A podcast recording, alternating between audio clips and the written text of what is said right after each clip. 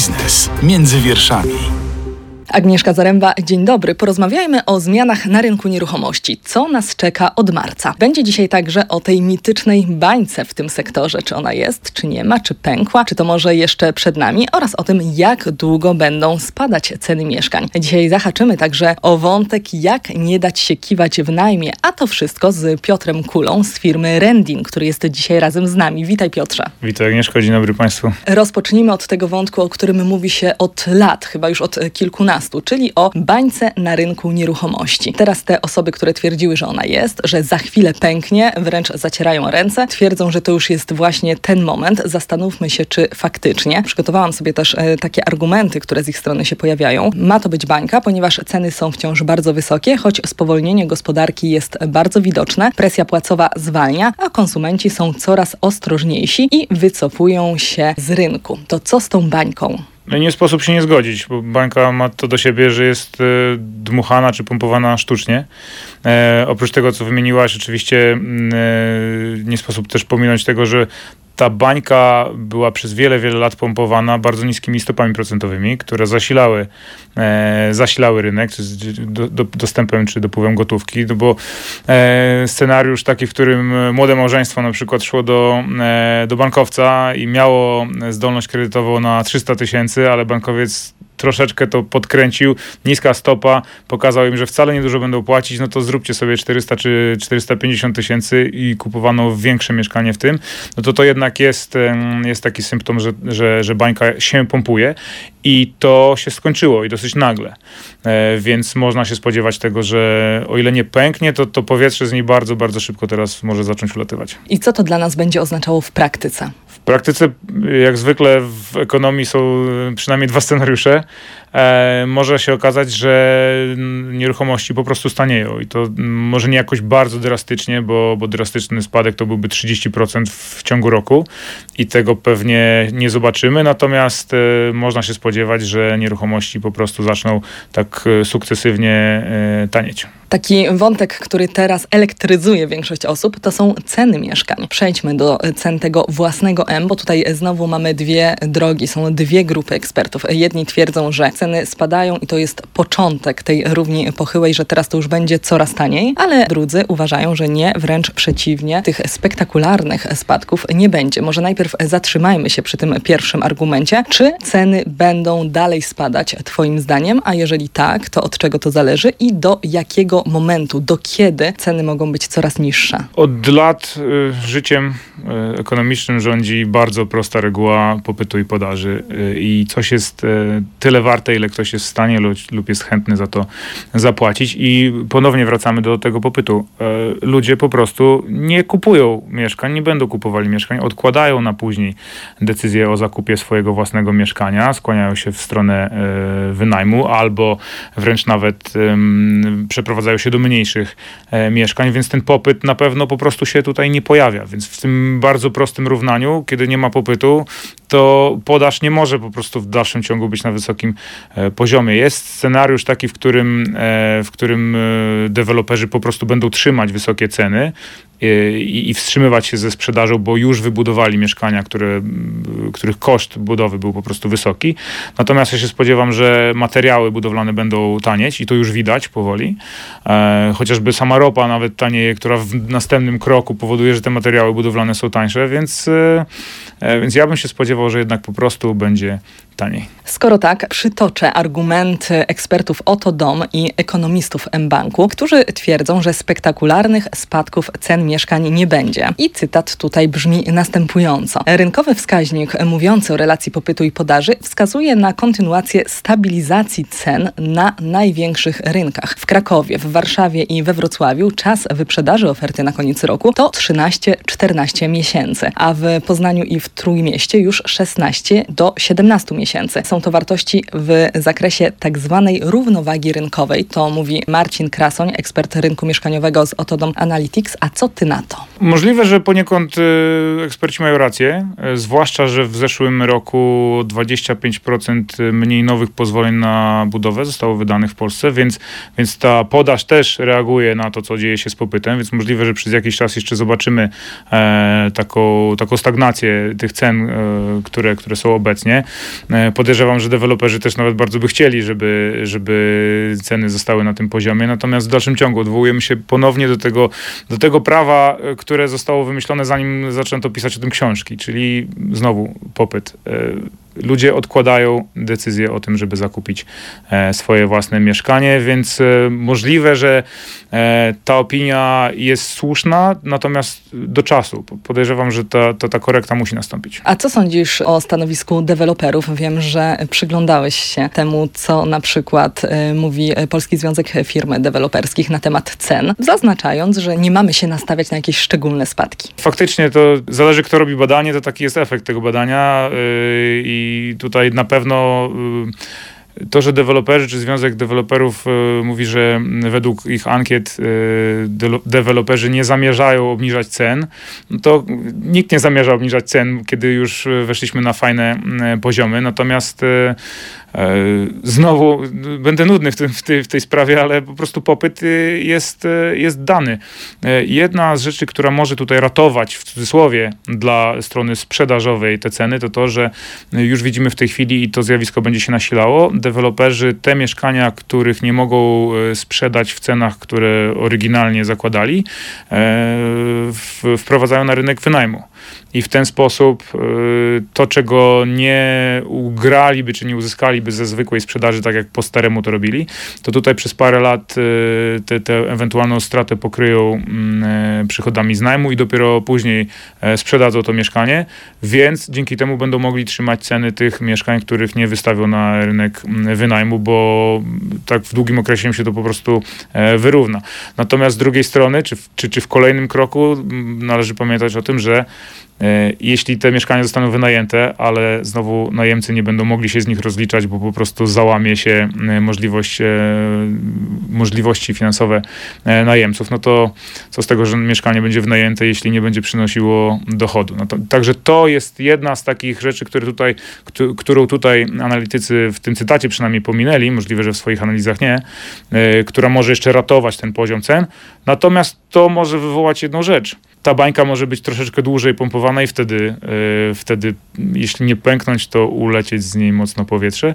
E, wydaje mi się, że opinia publiczna i po prostu Polacy chcieliby, żeby to pękło, po prostu będzie łatwiej kupić mieszkanie. Do najmu jeszcze za moment dzisiaj wrócimy, ale teraz zatrzymajmy się na dłuższą chwilę przy pewnych nowościach, które przed nami, bowiem od marca 2023 roku czekają nas pewne zmiany w prawie. Wchodzi w życie ustawa, dzięki której będzie można budować mieszkania i domy jednorodzinne w ramach kooperacji kooperatyw mieszkaniowych. Kooperatywa musi składać się z co najmniej trzech osób fizycznych. W ramach inwestycji powinny powstać co najmniej trzy lokale mieszkalne, które nie mogą być nastawione na zysk. Dla przeciętnego Kowalskiego to dobra informacja? Może być to dosyć spory test przyjaźni między, między tymi osobami, które wejdą w, e, w tę kooperatywę.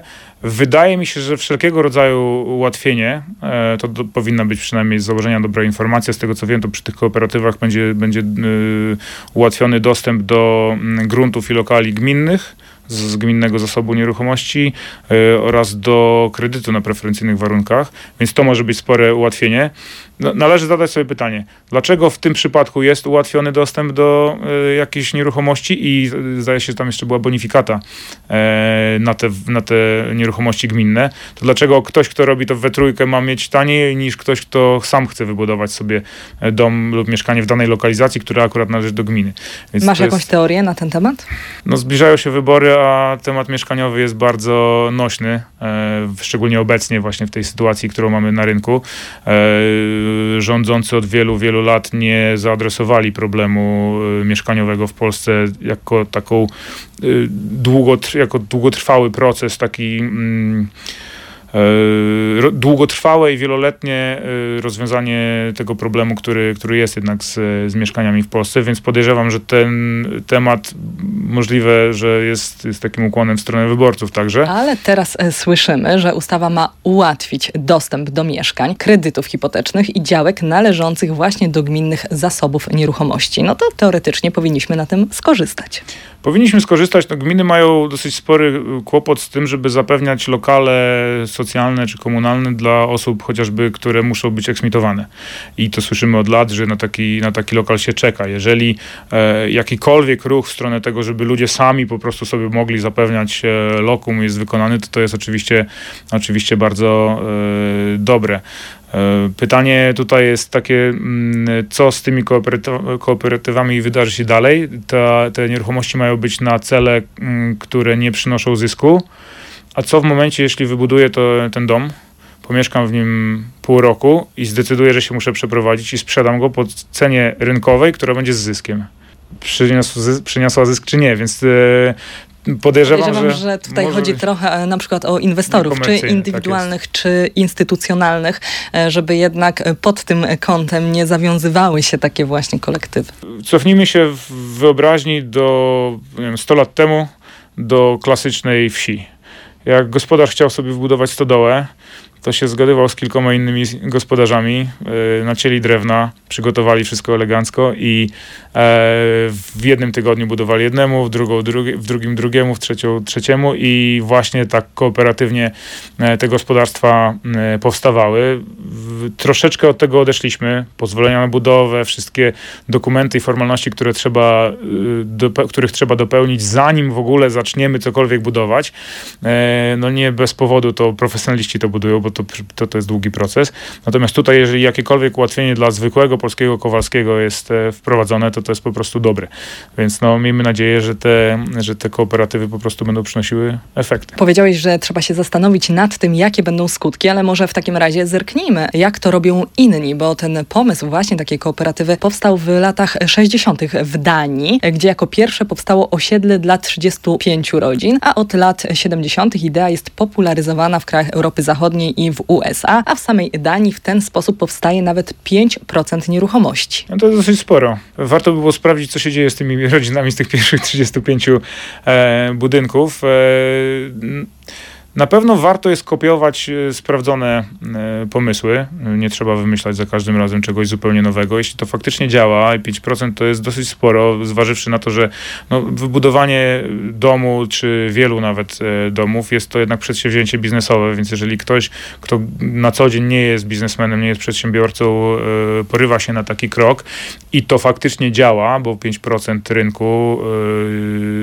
pamiętajmy o tym, że prywatne osoby po prostu mają co robić w życiu, to to nie jest tak, że teraz wszystko rzucą na dwa lata, żeby wybudować, wybudować takie mikroosiedle czy, czy, czy kilka bloków, bo, bo nawet tu mówimy o trzech osobach e, minimum, ale powiedzmy, że 20 osób się, e, się dogada na to, że robią razem takie mikroosiedle czy, czy, czy jakiś blok, e, no to jest jednak duże przedsięwzięcie. Jeśli to działa, to bardzo dobrze i ciekawe, ciekawe rozwiązanie. A może to jest wymarzone rozwiązanie dla tej grupy narzekających Polaków, którzy narzekają na sąsiadów, na lokalizację, na ułożenie ułożenie budynku, może dzięki temu ten nasz sport narodowy, którym jest narzekanie, po prostu się zakończy. Pytanie, czy chcielibyśmy, żeby się zakończyło, bo stracimy, to już oczywiście żart, stracimy swoje, e, swój charakter. E, owszem, możliwe, że to też poniekąd, e, mówiąc brzydko i kolokwialnie, zamknie usta narzekaczom.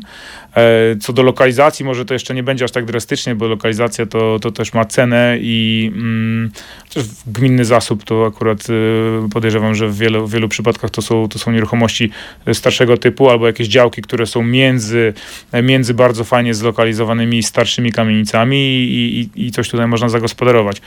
E, natomiast tak wracając do, do, do bez żartów, jeżeli trochę mniej będziemy narzekać i więcej robić, dzięki temu wykorzystując takie, e, takie narzędzie, takie rozwiązanie formalne, to czemu nie? To teraz e, zatrzymajmy się jeszcze tak e, na koniec przy wątku najmu, do którego mieliśmy wrócić. Zadajmy takie pytanie wprost, jak się nie dać kiwać w najmie i z jednej i z drugiej strony, i najemcy, i wynajmującego, ponieważ i jedna i druga strona trochę tutaj grzeszków ma. To prawda i jedni i drudzy się troszeczkę siebie obawiają wzajemnie, w wielu przypadkach e, nie, niepotrzebnie. Natomiast takim bardzo podstawowym e, sposobem na to, żeby się nie dać kiwać w najmie jest przestrzeganie kilku relatywnie prostych zasad. One są proste na papierze, e, wymagają jednak trochę energii, żeby, żeby ich dopełnić. Przede wszystkim wystawiając ogłoszenie na, o wynajmie, czy, czy szukając lokatora, najpierw zacznijmy od tego, że jak już się zgłosi wchodzi taki kandydat na lokatora, trzeba go zweryfikować. I nie, nie poprzestajemy na głębokim spojrzeniu w oczy tej osobie, czy popatrzeniu na to, co postuje na, na swoim Facebooku, czy, czy innych mediach społecznościowych, tylko musi to być weryfikacja jego przeszłości finansowej. Każdy ma prawo do tego, żeby samemu o sobie pobrać raport z BIK-u. Także te, to jest pierwsza i podstawowa rzecz. Druga e, to jest taka, że mm, e, musimy podpisać dobrą umowę najmu. E, część osób w ogóle nie podpisuje umowy najmu, to już jest, mówiąc znowu kolokwialnie, zupełna katastrofa, ale jeśli podpisują umowy, to, to wiele osób w dalszym ciągu podpisuje zwykłą umowę najmu, co jest błędem, bo zwykła umowa najmu praktycznie jeśli trafimy na lokatora, który zechce posiedzieć w naszym mieszkaniu i nie płacić, to droga do e, eksmisji takiej osoby może zająć od roku do znamy przypadki e, ze Stowarzyszenia Mieszkanicznych, to jest największe stowarzyszenie wynajmujących w Polsce najemca był przez 14 lat w mieszkaniu i nie płacił. Więc to jest e, praktycznie rzecz biorąc zajęcie tej nieruchomości na bardzo, bardzo długi e, czas. Więc umowa najmu zwykła jest e, nie tak dobra jak umowa najmu okazjonalnego. Już mówię dlaczego. Najem okazjonalny to taki specyficzny rodzaj umowy, w którym najemca po to, żeby móc ją podpisać, musi zobowiązać się dobrowolnie do poddania się rygorowi egzekucji i to swoje zobowiązanie potwierdza u notariusza aktem notarialnym. E, przy tym wskazuje jednocześnie mm, lokal, do którego się wyprowadzi w momencie ustania tej umowy najmu, czyli albo kiedy ona dojdzie do końca naturalnego, albo zostanie rozwiązana z innych powodów, jak na przykład to, że przestanie płacić.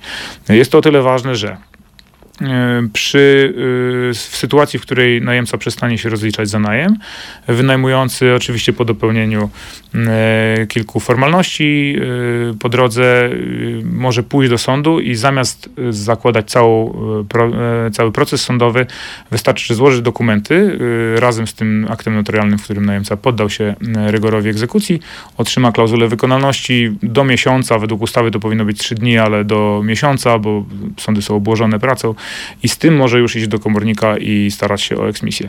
I ma e, komornik dokąd go wyprowadzić. Ze zwykłą umową najmu to się po prostu nie wydarzy, trzeba zrobić cały długi proces sądowy, który może się ciągnąć latami, jeszcze jak najemca będzie unikał go bardzo, bardzo długo. E, jeszcze jedna tylko e, tutaj jest formalności. Nie wpuszczajmy najemcy do mieszkania, zanim nie zapłaci pierwszego czynszu i jeśli nie zrobimy z nim protokołu przekazania mieszkania, czy protokołu zdawczo-odbiorczego, zamienię te, te terminy funkcjonują, bo dzięki temu, jeśli go zrobimy, mamy dowód na to, w jakim stanie była ta nieruchomość e, na początku. Jeśli później pojawią się problemy e, i nie mamy udokumentowane tego, jak to wyglądało, nie mamy spisanych liczników, no to będzie po prostu konflikt taki, Słowo ja mówię to, tak, ty mówisz to i, i to, to, są, to są e, absolutne podstawy. No my rozwiązaliśmy jeszcze jedną rzecz, która, która się przewija, pobranie kaucji. E, zwykle kaucja to jest jednomiesięczny, e, równowartość jednomiesięcznego czynszu e, i według badań, które przeprowadziliśmy, jeżeli już pojawia się problem w najmie, w którym najemca nie płaci, strata średnia z tego badania, które przeprowadziliśmy w Rendin, to 9 tysięcy złotych bez mała, tam bez 40 kilku złotych. Więc jeżeli pobieramy nawet jednomiesięczną kaucję, E, przyjmijmy 3000 zł, to, no to brakuje nam jeszcze 6 do tego, żeby wyjść na zero tutaj. Natomiast to, co my robimy, to kaucję zastąpiliśmy e, małą opłatą ze strony najemcy miesięczną, e, a wynajmujący zyskuje czterokrotność wysokości czynszu zabezpieczenia, więc w większości przypadków jest to już wystarczające, no plus oczywiście pomagamy w tym, żeby ewentualny problem rozwiązać już na takim etapie mediacji, negocjacji, zanim jeszcze trzeba pójść do sądu. Więc to jest jedna strona medalu. Na przykład pyta, natomiast pytasz o drugą stronę ze strony y, najemcy. Tak jest. No, najemca przede wszystkim także powinien optować za y, umową najmu okazjonalnego z tego powodu, że w tym przypadku y, wynajmujący nie może podnosić kosztów najmu ponad to, na co się umówił w samej umowie. Bo ze zwykłą umową wynajmujący może podnosić bez żadnego uzasadnienia E, najem, czynsz, czynsz najmu do wysokości e, oficjalnego wskaźnika inflacji. Więc może po prostu bez żadnych negocjacji powiedzieć od można robić to co pół roku, natomiast łączne, łączna wartość tej, tej, tej zwyżki nie może przekraczać wskaźnika inflacji. Więc może po prostu zadzwonić i powiedzieć, no od przyszłego miesiąca robimy y, dodatkowe y, 17%, za tydzień powinniśmy poznać nowe, e, nowe wartości z GUS-u. E, jeżeli się nie umówią na podwyżki, to cała umowa najmu przejdzie w, w tym przypadku na, na danej założonej e, stawce. To jest pierwsza rzecz. Druga rzecz, najemca także ma prawo do tego, żeby zapytać o, o rodzaj własności mieszkania. Zdarzali się tacy Oszuści na rynku, którzy wynajmowali 10 e, osobom na raz e, pobierali kaucje i znikali, więc, e, więc warto zapytać także najemcę, przepraszam, wynajmującego, w, czy faktycznie ma e, tytuł do dysponowania e, tą nieruchomością. No, raz jeszcze, jeżeli pojawiają się problemy e, w najmie z którejkolwiek ze stron, to akurat my bronimy, w cudzysłowie mówiąc, obydwu stron, w zależności od tego, która na którą nastaje. Natomiast takich rozwiązań nie, nie ma tak dużo, więc tutaj na pewno najemca także powinien w momencie, kiedy ogląda mieszkanie, E, też zdać się poniekąd na swoją intuicję, czy ten, czy ten wynajmujący, czy jemu z drugiej strony dobrze z oczu patrzy. Oczywiście większość tego sprawdzenia i tej weryfikacji leży po stronie wynajmującego, bo to, bo to ta strona przekazuje, e, przekazuje nieruchomość wartą kilkaset tysięcy złotych, więc to tej stronie bardziej zależy na tym, żeby to było dobrze, dobrze przemyślane. A ta intuicja będzie działać jeszcze lepiej, jeżeli będziemy mieli konkretną wiedzę. Dlatego serdecznie zachęcam do do słuchania i oglądania także innych odcinków z cyklu Biznes między wierszami. Te archiwalne możemy znaleźć na stronie internetowej www.radioz.pl w naszym playerze oraz w aplikacjach podcastowych, ale zachęcam także do śledzenia mediów społecznościowych oraz kanału YouTube Radia Z, gdzie cały czas na bieżąco dodajemy te najważniejsze informacje i zachęcamy także do słuchania wiadomości ekonomicznych codziennie o godzinie 10 i 15 na antenie Radia Z. A już teraz bardzo serdecznie dziękuję za dzisiejszy dzisiejsze spotkanie i za rozmowę. Dziękuję bardzo. Biznes między wierszami. Więcej podcastów na player radioz.pl.